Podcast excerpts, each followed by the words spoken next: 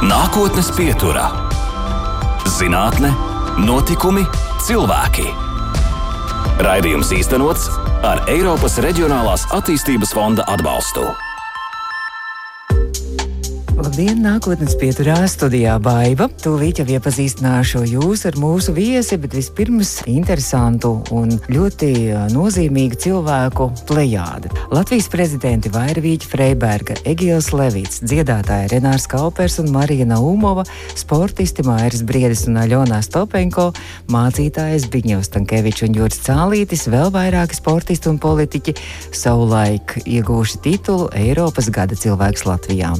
Un Pārlūkojot šo prominenču sārakstu, tajā atrodams tikai viens vienīgs zinātnieks - 2016. gada Eiropas gada cilvēks Latvijā, matemātiķis, kvantu algoritmu, kvantu sarežģītības teoriju un citu tēmu kvantu skaitļošanas teorijā pētnieks, Latvijas Universitātes datorikas fakultātes profesors Andris Ambainis. Un šodien viņš ir nākotnes pieturas viesis. Labdien!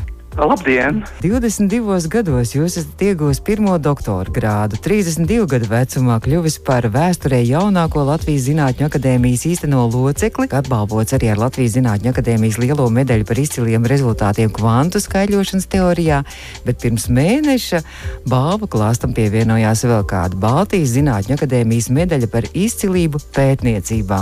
Nu, mēs zinām, ka olimpiskās medaļas kritērija izmērām sekundēs, metros, punktos. Tās pamatā ir darbs darbs, sviedra talants un neatlaidība, arī veiksme un psiholoģiskā gatavība, bet kas nepieciešams, lai tiktu apbalvots ar medaļu par zinātnes sasniegumiem? Nu, tā tad kaut kas nozīmīgs atbilstošajā zinātnes laukā, kaut kas tāds, kas ir šo atbilstošo zinātnes lauku būtiski mainījis, vai būtiski ietekmējis, vai būtiski veidojis viņu šeit, Latvijā un Baltijā. Jūs esat attīstījis kvantu teorijas un arī tādu diezgan sarežģītu formulējumu kvantu klejošanu par vienu no galvenajiem galvenajām metodēm kvantu algoritmu izveidē. Ja jūs mūsu klausītājiem varētu tā paskaidrot, tā lai arī viņi saprotu, un lai arī es saprotu, ko tas nozīmē. Es pētu skaitļošanas metodas kvantu datoriem. Tātad kvantu datori ir tāda nākotnes skaitļošanas te tehnoloģija, kas balstās ar kvantu fiziku. Mēģinu izstrādāt metodas, kā ar kvantu datoru varētu kaut ko izskaidrot. Viena tāda metode, ko es esmu radījis, ir kvantu klejošana, kas gadu gaitā ir izveidojusies par vienu no kādām piecām, sešām galvenajām metodēm, kā kaut ko skaitļot uz kvantu datoru. Viņi ir atraduši tev diezgan daudz pielietojumus, un tie pielietojumi ir bijuši daudz zinātnieku darbs, gandrīz 20 gadu garumā, bet es biju viens no tiem, kuriem bija tā veiksme palaist šo zinātnieku kolektīvā darba ķēdīti kaut kad 2000. gadu sākumā.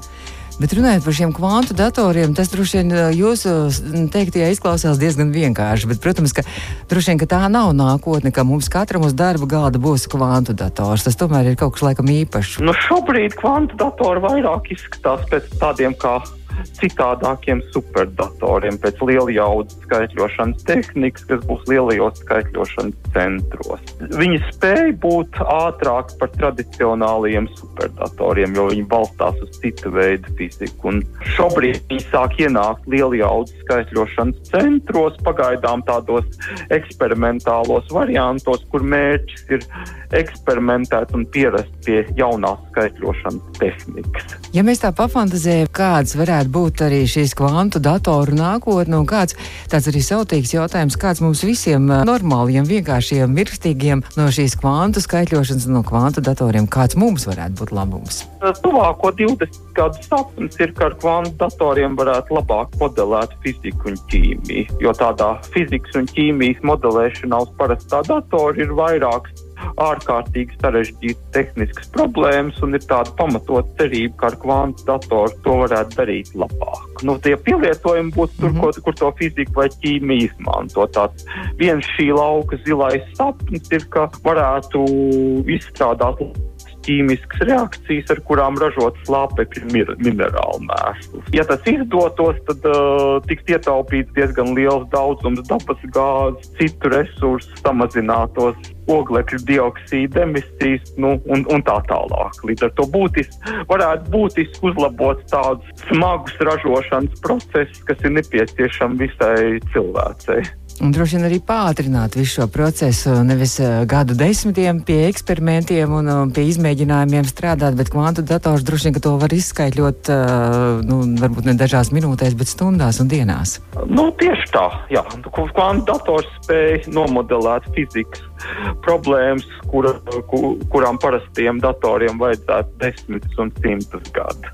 Latvija ar saviem zinātniekiem arī piedalās kādos starptautiskos projektos, un droši vien, ka Latvijā, cik es saprotu, ir diezgan augstā līmenī šīs kvantu datoru zinātnes, un Latvija ļoti labi kotējās arī Eiropas un pasaules mērogā.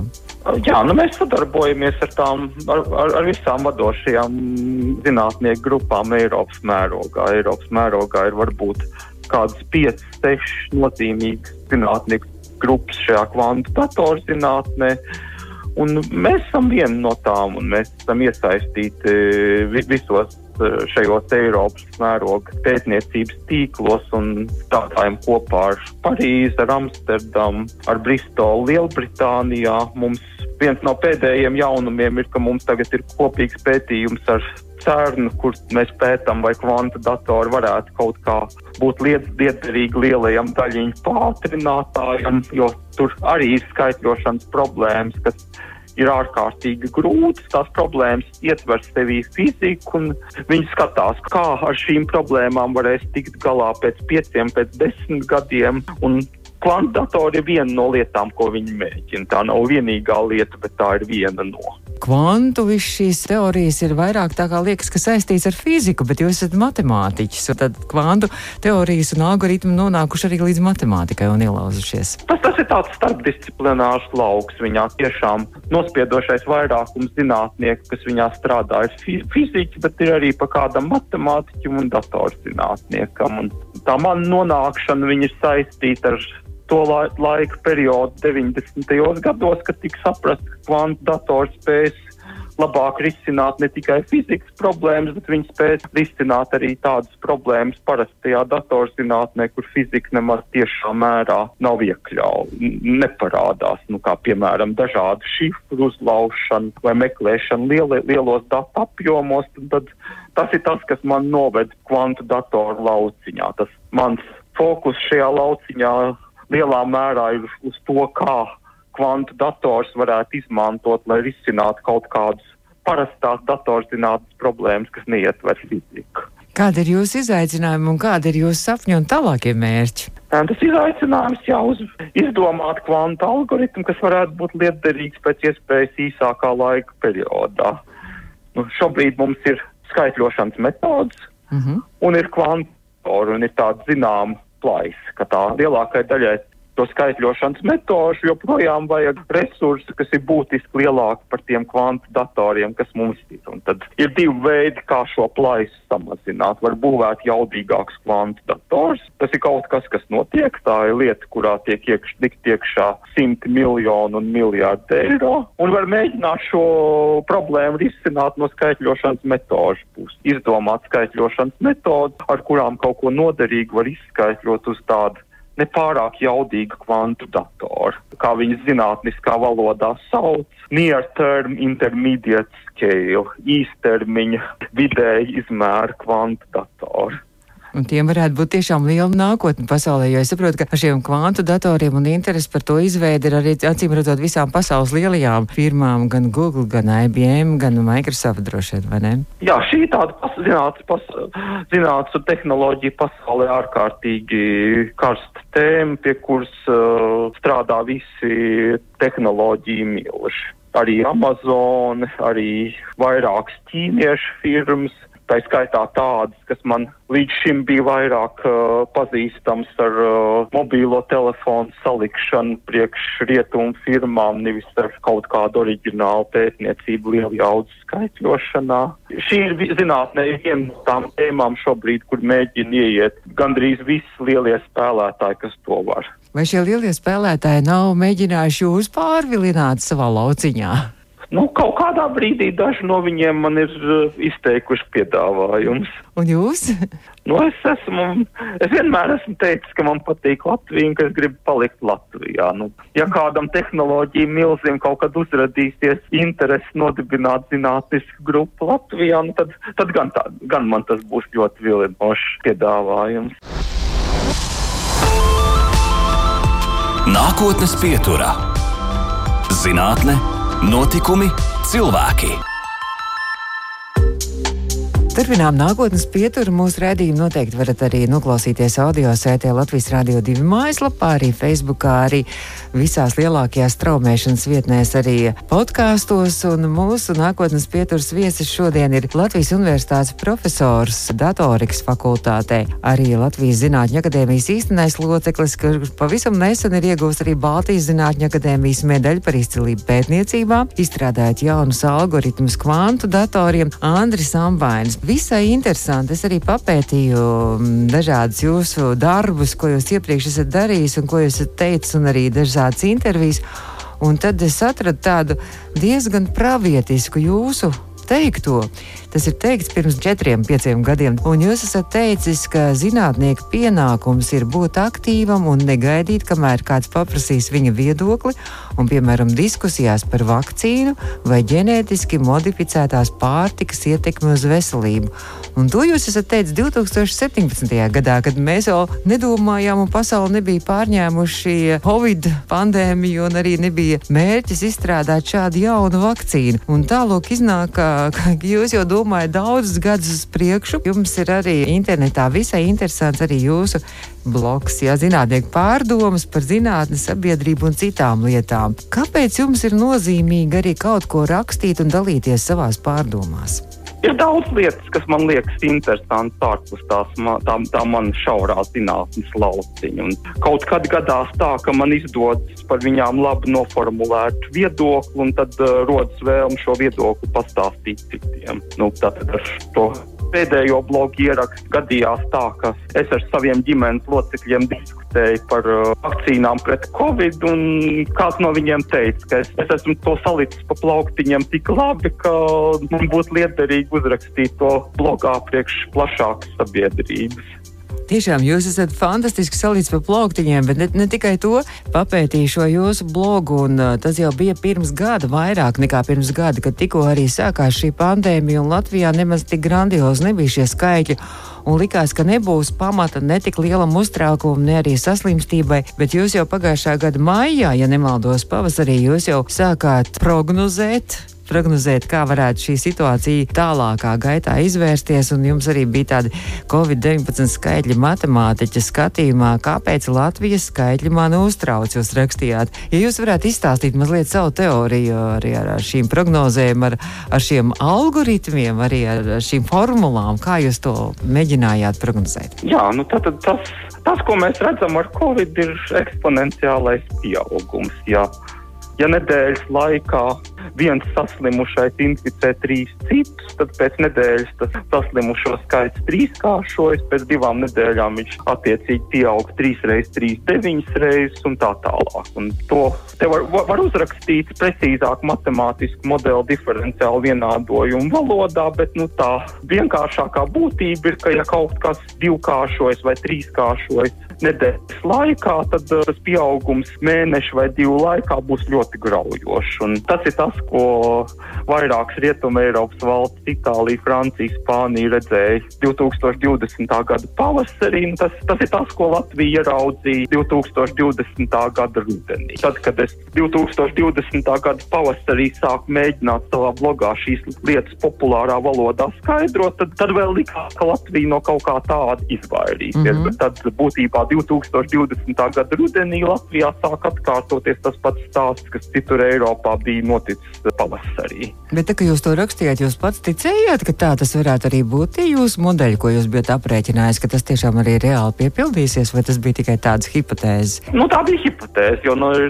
visos modeļos ir lietas, ko mēs nevaram prognozēt. Tās lietas ir cilvēku uzvedība, tās lietas ir, kas notiks citās valstīs. Mo modelis balstās uz kaut kādiem pieņēmumiem, un kaut kaut kādas starta pozīcijas, un nu, nevarēja zināt, kāda būs tā pozīcija 2020. gada rudenī. Un tad rudenī es redzēju, ka, ka šīs prognozes sāk piepildīties, un tad es uzrakstīju vēl, vēl, vēl vienu ierakstu blogam par to, kāpēc situācija Latvijā man reāli uztrauc. Un kāpēc jūs uztrauc? Nu, toreiz bija brīdis, kad arī Latvijā bija redzama šī situācija, ka ik nedēļu saslimušo kļūst divas vai trīs reizes vairāk. Un it kā tie skaitļi nav mazi, bet ja paturpina šo līkni un paskatās, kur viņi būs pēc četrām nedēļām, tad tā bilde kļūst ļoti tumša. Tāda piebilde jums arī bija tajā jūsu blogā, ka tas, kas notiek, nav tikai valdības, bet arī mūsu visu atbildība. Nu, tieši tā, jā. Toreiz tas bija jautājums par to, cik mēs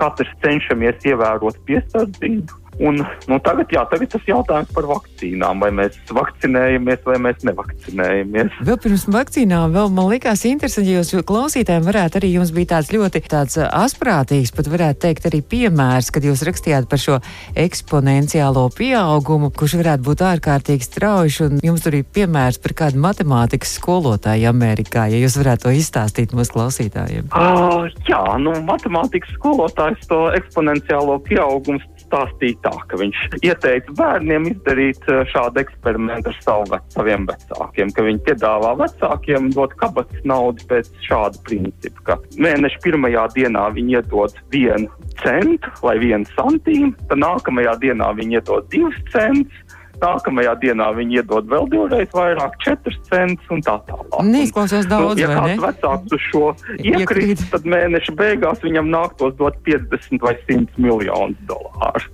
kaut kā pilnīgi neticami. Izklausās vienkārši, bet, uh, nu, ja jūs tā sakat, tad, tad tam ir jātic. Tas nozīmē, ka, ka mēs šādas līdzības varam savilkt arī ar šo Covid slimnieku skaitu, vai ne? Jā, jā, un tas, tas, tas bija tas, pa ko es tajā brīdī gribēju brīdināt. Nu, bija skaidrs, ka epidemiologi to, protams, saprot, bet uh, man gribējās to, to tā skaidri vienkāršā valodā uzrakstīt plašākai publikai, lai būtu vēl viens skaidrojums, kur varētu apskatīties un no kura kāds varbūt saprast, aha, te ir tas, kas notiek, te ir tas cēlonis, kāpēc ir jābūt uzmanīgiem. Šobrīd jūs esat nonācis pie tā, ka jūs skaidrojat, kā jūs teicāt, sākāt ar to, ka jūs skaidrojat saviem draugiem un ģimenei par vakcīnām, tad varbūt arī jūs varētu izskaidrot savu viedokli arī mūsu klausītājiem, un ne tikai tādu savu personīgo, bet savu zinātnieku viedokli par vakcīnām. Kāpēc tas ir drošas, kāpēc tās tik ātri tika sagatavotas? To jūs esat pētījis, es saprotu, arī ārzemju dažādas materiālus un profesionālo zinātnieku materiālus, un arī izdarījis arī arī pats savus secinājumus?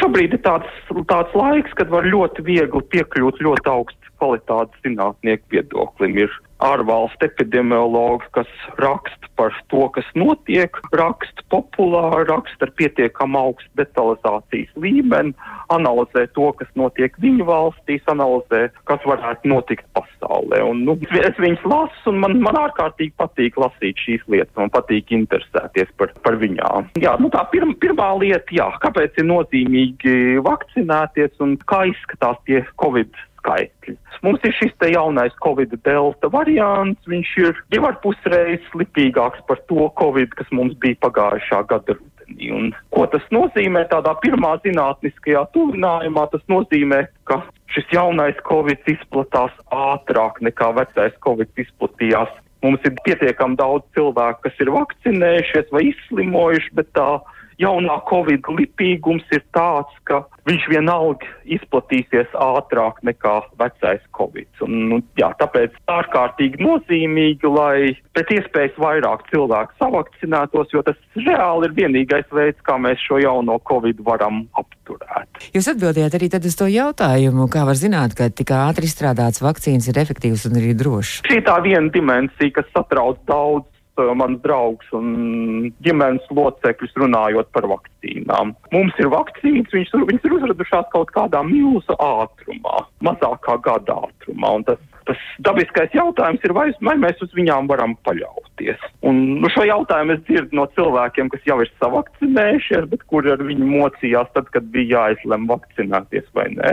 Man sieva ir šo jautājumu vairāk kārt uzdevusi, bet nu, tā kā brīdī, kad viņi vakcinējās, viņi strādāja slimnīcā, tad viņi izlēma, ka tas, tas risks ir pārāk liels, lai šaubītos, bet nu, tāds, tāds nemieris iekšā mm. viņai bija. Un, jā, nu, runājot par atbildu šo jautājumu, par šīm vakcīnām būtībā ir labvēlīgi sakritušas vairākas lietas. Tā kā visas zvaigžņu stāvoklis ir sakritis pa labu tam, ka šīs vakcīnas ir izdevies tā tik ātri izstrādāt. Nu, tā viena lieta ir jaunas paudzes tehnoloģija, biotehnoloģijas, kas ļauj paņemt šo te vīrusu, nosekvencēt viņa genomu, noskaidrot vīrusu ģenētisko kodu, pēc šī ģenētiskā koda izstrādāt vakcīnu.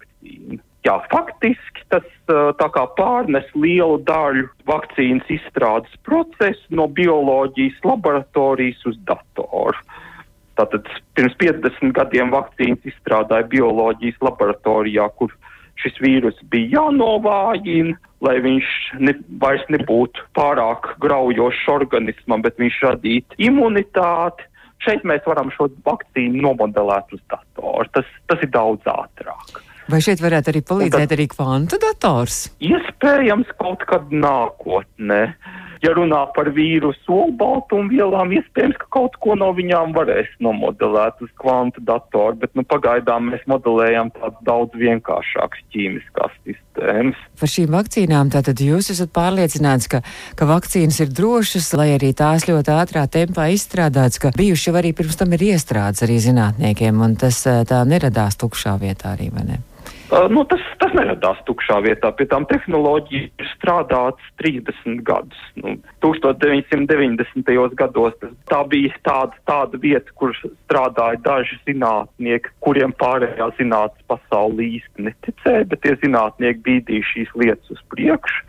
Viņām gāja ārkārtīgi grūti, jo zinātnē finansējošās organizācijas viņas negribēja atbalstīt, tās idejas netika uzskatītas par pietiekami perspektīvām, un tad, nu, caur viņu smago darbu šīs idejas zinātnes pasaulē tika atzītas, un pēdējos gadus pasaulē vien vairāk tuvojās šīm te jaunajām vakcīnu tehnoloģijām, un jau bija projekti, kā ar šīm jaunajām tehnoloģijām uztaisīt vakcīnu pret gripu, pret malāriju vai pret kaut ko citu. Un tas vienīgais, kas pietrūka, bija tāds liels grūdienis. Un Covid iedeva šo lielo grūdienu, ka uzrādījās arī liela nauda. Un saliekot tehnoloģiju, kas bija gatava, kas bija briedus 30 gadus un lielo naudu, radās šīs vakcīnas vakcīnu. Jūs par tām vakcīnu blaknēm arī rakstat arī, ka no tām nevajag baidīties un nav gadiem jāgaida šīs blaknes, kas varētu parādīties. Arī to jūs esat mēģinājis pētīt un skatīties no Jā, no nu, ar blaknēm ir tā, ka tas, ko es gribu pateikt, ir, ka nav jābaidās no tā, ka ir kaut kādas ne, nezināmas blaknes, pa kurām mēs uzzināsim par diviem gadiem, pēc, pēc diviem gadiem. Nu, ir tās zināmās blaknes, pa ko mēs zinām, nu, ka pēc vakcīnas kādam var būt temperatūra uz vienu dienu vai galvas sāpes, vai varbūt temperatūra uz dažām dienām. Tās tās lietas, ko mēs zinām. Un tad ir tā otra nezināmā daļa. Bailes, ka varbūt tā vakcīna izraisa kaut ko tādu, par ko šobrīd neviens nezina, bet par ko kļūs zināms pēc diviem gadiem. Un Un šeit es atradu vienu amerikāņu imunologu ļoti labu skaidrojumu, ka ar vakcīnām ir tā, ka visā līdzšinējā vēsturē vakcīnu blaknes ir bijušas skaidrs pirmajās nedēļās vai mēnešos pēc vakcīnas lietošanas. Un šeit jāuzsver, ka tas attiec tieši uz vakcīnām, nevis uz zālēm vispār. Mm -hmm. Nu, ja mēs runājam par ķīmiskām zālēm, tās var tikt lietotas mēnešiem vai gadiem ilgi, tās var uzkrāties organismā, un tad tiešām var būt tāda efekta, kas uh, kļūst skaidri tikai pēc tam, kad tās zāles ir gadu lietas. Bet vakcīna tas ir kaut kas cits. Vakcīna tas ir divas potes, un katrā no tām potēm tiek iepotāts kaut kas, kas ir bioloģiski rakstura. Nu, šajā gadījumā mākslīgs bioloģisks objekts, mākslīgais bioloģiskais objekts, viņš mūsu organismā, viņš noārdās pēc dienas vai divu laikā. Mūsu imūnsistēma to vakcīnu dienas vai divu laikā iznīcina, un no vakcīnas pēc dienas vai divām nav nekas palicis. Ir palikusi tikai tā mūsu imūnsistēmas reakcija, kur mūsu imūnsistēma ir uztrenēta. Un kaut kādās gadījumos tā imūnsistēmas reakcija spēcīgāk, un tam mums pāris dienas ir temperatūra, bet pēc divām dienām vienīgais, kas ir palicis, ir mūsu imūnsistēmas reakcija. Un, ja, ja tā imūnsistēmas reakcija ir kaut kāds nelabvēlīgs saks uz mūsu organismu, tad tās, tās ir redzamas uzreiz. Tādu gadījumu, kad ir kaut kādas mistiskas blaknes, kas parādās tikai divus gadus vēlāk un par kurām visa pasaule uzzina tikai tad, nu, nu, tāda vakcīna vēsturē nav bijis. Es ceru, ka jūs mazliet nomierinājāt mūsu klausītājus. Varbūt arī dažam kādas šaubas arī kliedējāt. Nākotnes pieturs viesis šodien ir kvantu matemātiķis. Pareizi tagad pateicu kvantu matemātiķis, jā? Jā. Tā, kvantu tā matemātiķis, jā, kurš iejaucās un ar savu viedokli arī skaidro visus epidemioloģiskos un vispārējos procesus, kas šobrīd notiek pasaulē un arī Latvijā. Andris Ambainis. Nākotnes pieturā - zinātne, notikumi, cilvēki. Turpinām nākotnes pieturu, un šodien mūsu viesis ir eh, kvantu matemātiķis Latvijas Universitātes profesors Andris Ambainis. Papētot jūs to dzīves ceļu zinātnē, tad eh, man tā liekas, ka jūs tāds esat tāds jau piedzimis brīnuma bērns un ar jau to domu, ka noteikti nākotnē kļūsiet par izcilu zinātnieku. Jūs piedzimāt ķīmiķa ģimenē, jūs tēvs ilgus gadus vadījis Daugavpils lielāku uzņēmumu ķīmiskās šķiedras rūpnīcu, vai tas kaut kā ietekmēja arī jūs to dzīves ceļu zinātnē? Laikam ne pārāk nozīmīgi. Man, man, man bija tā veiksme, ka man vecāki bija izglītoti cilvēki ar iespējām man atbalstīt. Un, nu, tad, tad, kad viņi redzēja, ka man ir vajadzīgs kaut kāda veidu atbalstu, es, tad es no viņiem to atbalstu dabūju. Bija arī nozīmīgi tas, ka mums bija mājās daudz populāru zinātnisku grāmatu, ko es varēju lasīt. Un tad, kad vecāki pamanīja, ka man interesē noteiktas lietas, ka man interesē matemātika, tad uh, attiecīgi viņi man sāka pirkt grāmatas par matemātiku. Vēl man jāpasakās maniem vecākiem par to, ka viņi man atrunāja prom no ķīmijas kaut kādā brīdī, oh. kad man patīk gan matemātika, gan ķīmija. Kāpēc? Ķīmija, man liekas, tas arī ir ārkārtīgi saistoša un aizraujoša lieta, vai matemātika tajos dodat priekšroku? Maniem vecākiem likās, ka es nepietiekami veikli strādāju ar rokām, lai būtu labs ķīmiķis, ka man labāk padodas rēķināt, nevis darīt kaut ko, kur ir, uh, kur ir vajadzīgs kaut ko saliet vai Aha. izmērīt. Skaidrs. Droši vien, ka jūs radījāt kompleksus visiem saviem skolas biedriem, arī visiem pārējiem, jo visās olimpiādēs, saprotu, tur, kur jūs matemātikas piedalījāties jau skolas laikā, tur visur jūs ņēmāt pirmās vietas un zelta medaļas. Nu, iespējams, tā, tā, tā tiešām bija. Man matemātikas olimpiādēs ir bijis ārkārtīgi daudz pirmo vietu. Doktorantūrā tā jau bija laikam otrā doktorantūra, kur jūs jau tad eh, studējāt Kalifornijas Universitātē Berklijā. Jā, ar doktorantūru ir tāds stāsts, ka ar zinātni es sāku nodarboties Latvijā, kad es studēju bakalauros un uz to brīdi, kad, kad es taisīju vēlējos aizbraukt doktorantūrā uz Kaliforniju. Man jau bija sakrājušās vairākas zinātniskas publikācijas, un tad kolēģi no Latvijas Universitātes zinātniskais vadītājs profesors Rūstiņš Mārtiņš Freivalds man piedāvāja pirms braukšanas uz Kaliforniju aizstāvēt doktora disertāciju Latvijā, balstoties uz to, ko es jau esmu izdarījis. 22 uh, gados. Jā, nu, jā, tā kā tas, tas bija tāds neparasts gadījums. Bērklijā jūs ieguvāt doktora grādu. Jūs esat strādājis arī Amerikā, arī Princetonas augstāko pētījumu institūtā, Ņūdžersijā, arī bijis uh, docents Kanādas universitātē, kvantu skaitļošanas institūtā. Daudz viet pasaulē jūs esat guvis pieredzi, un tomēr, kā jūs teicāt, kā jau mēs sākumā runājām, tomēr atgriezies Latvijā, vai tomēr nebija vilinājums palikt visās šajās augstākajās mācību iestādēs universitātēs? Universitātēs, institūtos, jo tur droši vien kā apstākļi zinātniekiem droši vien ir tādi, tā maigi sakot, vilinošāki. Bija, bija kaut kāds mājas vilinājums un bija vēlme viņu realizēt, nu, kur man bija nu, daudz no, tā, no tiem Amerikas un Kanādas gadiem. Un tad Tad, kad bija iespēja, es mēģināju realizēt šo vēlmu atgriezties Latvijā un būt, būt šeit Latvijā. Man bija tāds iekšējs sapnis kaut ko Latvijā nodibināt un palīdzēt citiem, palīdzēt Latvijas studentiem nonākt zinātnē un palīdzēt viņiem zinātnē kaut ko sasniegt. Nu, kļūt par zinātnieku, kurš ne tikai pēta pats, bet arī vada un virza citas zinātnē. Latvijā ir pietiekami daudz spējīgu studentu, un tajā, tajā brīdī, 2007. gadā, pietrūka kāda, kas viņas uh, matemātiskajā datorzinātnē spētu vadīt. Man jāsaka paldies par to, ko jūs esat darījis. Un un par to, ka jūs arī esat Latviju cēlis pasaules acīs un arī Latvijas vārdu arī nes pasaulē savā zinātnes lauciņā. Bet eh, šodien ir sestdiena, redzījums skan sestdienā. Ko jūs klausītājiem ieteiktu, kā pavadīt brīvdienas, varbūt kādu no saviem vaļaspriekiem, nu ne jau sēdēt pie datora droši vien sestdienā, vai jūs sēžat sestdienās, svētdienās arī pie datora? Nu, kaut, kaut kad jau gadās, bet tas, ko mēs darām, mēs, mēs šausmē diezgan daudz apceļojam Latviju. Mums, Mums ir divi bērni, 8 un 6 gadus veci. Viņi grib visu apskatīt, viņi grib uh, dažādas bērnu izklaides. Tad mēs diezgan daudz ceļojam pa, pa Latviju, tad, tad uz kādu bērnu izklaides vietu, tad apskatīt kādu skaistu dabas objektu, izvest bērnu kādu dabas taku pie gaujas vai salats. Un tas arī tas, ko es, ko es ieteiktu klausītājiem. Mums, mums Latvijā ir ārkārtīgi daudz skaistu un interesantu vietu, ko apceļot un izveidināt galvu svaigā gaisā. Sakiet, eh, orientēšanās sports bija arī savulaik jūsu vaļas prieks. Tam arī atliek laiks vai, vai vairs ne? Tagad, kopš man ir divi bērni mazāk, bet kaut kad es mēdzu kopā ar eh, sievu un bērniem aizbraukt uz magnētu, izskriet distanci. Eh, laikam bija tāds liels pārāvums vairāk gadu garumā, kad es gandrīz, gandrīz neskrēju orientēšanās trasi, kad bērni bija mazi. Nu, tagad, tagad viņi sāk braukt līdzi, viņi sāk iet magnētu skolu skoliņā, un tad mēs skrienam pieaugušo distanci, un viņi, viņi iet skoliņā. Man jāsaka jums paldies, un lai tad šīs brīvdienas izdodas jaukas un arī brīvā dabā pavadītas. Zinātnieks Andris Ambainis šodien bija nākotnes pieturas viesis, un mēs atvadāmies raidījumā noslēgumā arī ar kādu jūsu izvēlēto mūziku, un tam, man liekas, būs tāda ļoti zīmīga mūzika. Jā, tad, jā, prāta vētra, pirmais latviešu uz mēnesi par to, ka var sapņot par neiespējamām lietām un par, par mums, latviešiem.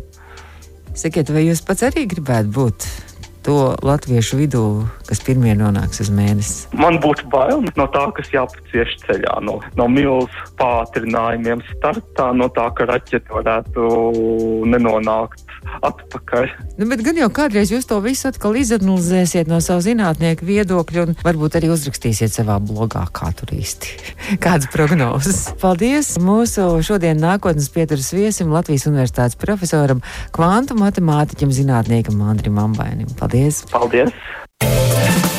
Izskan nākotnes pieturā.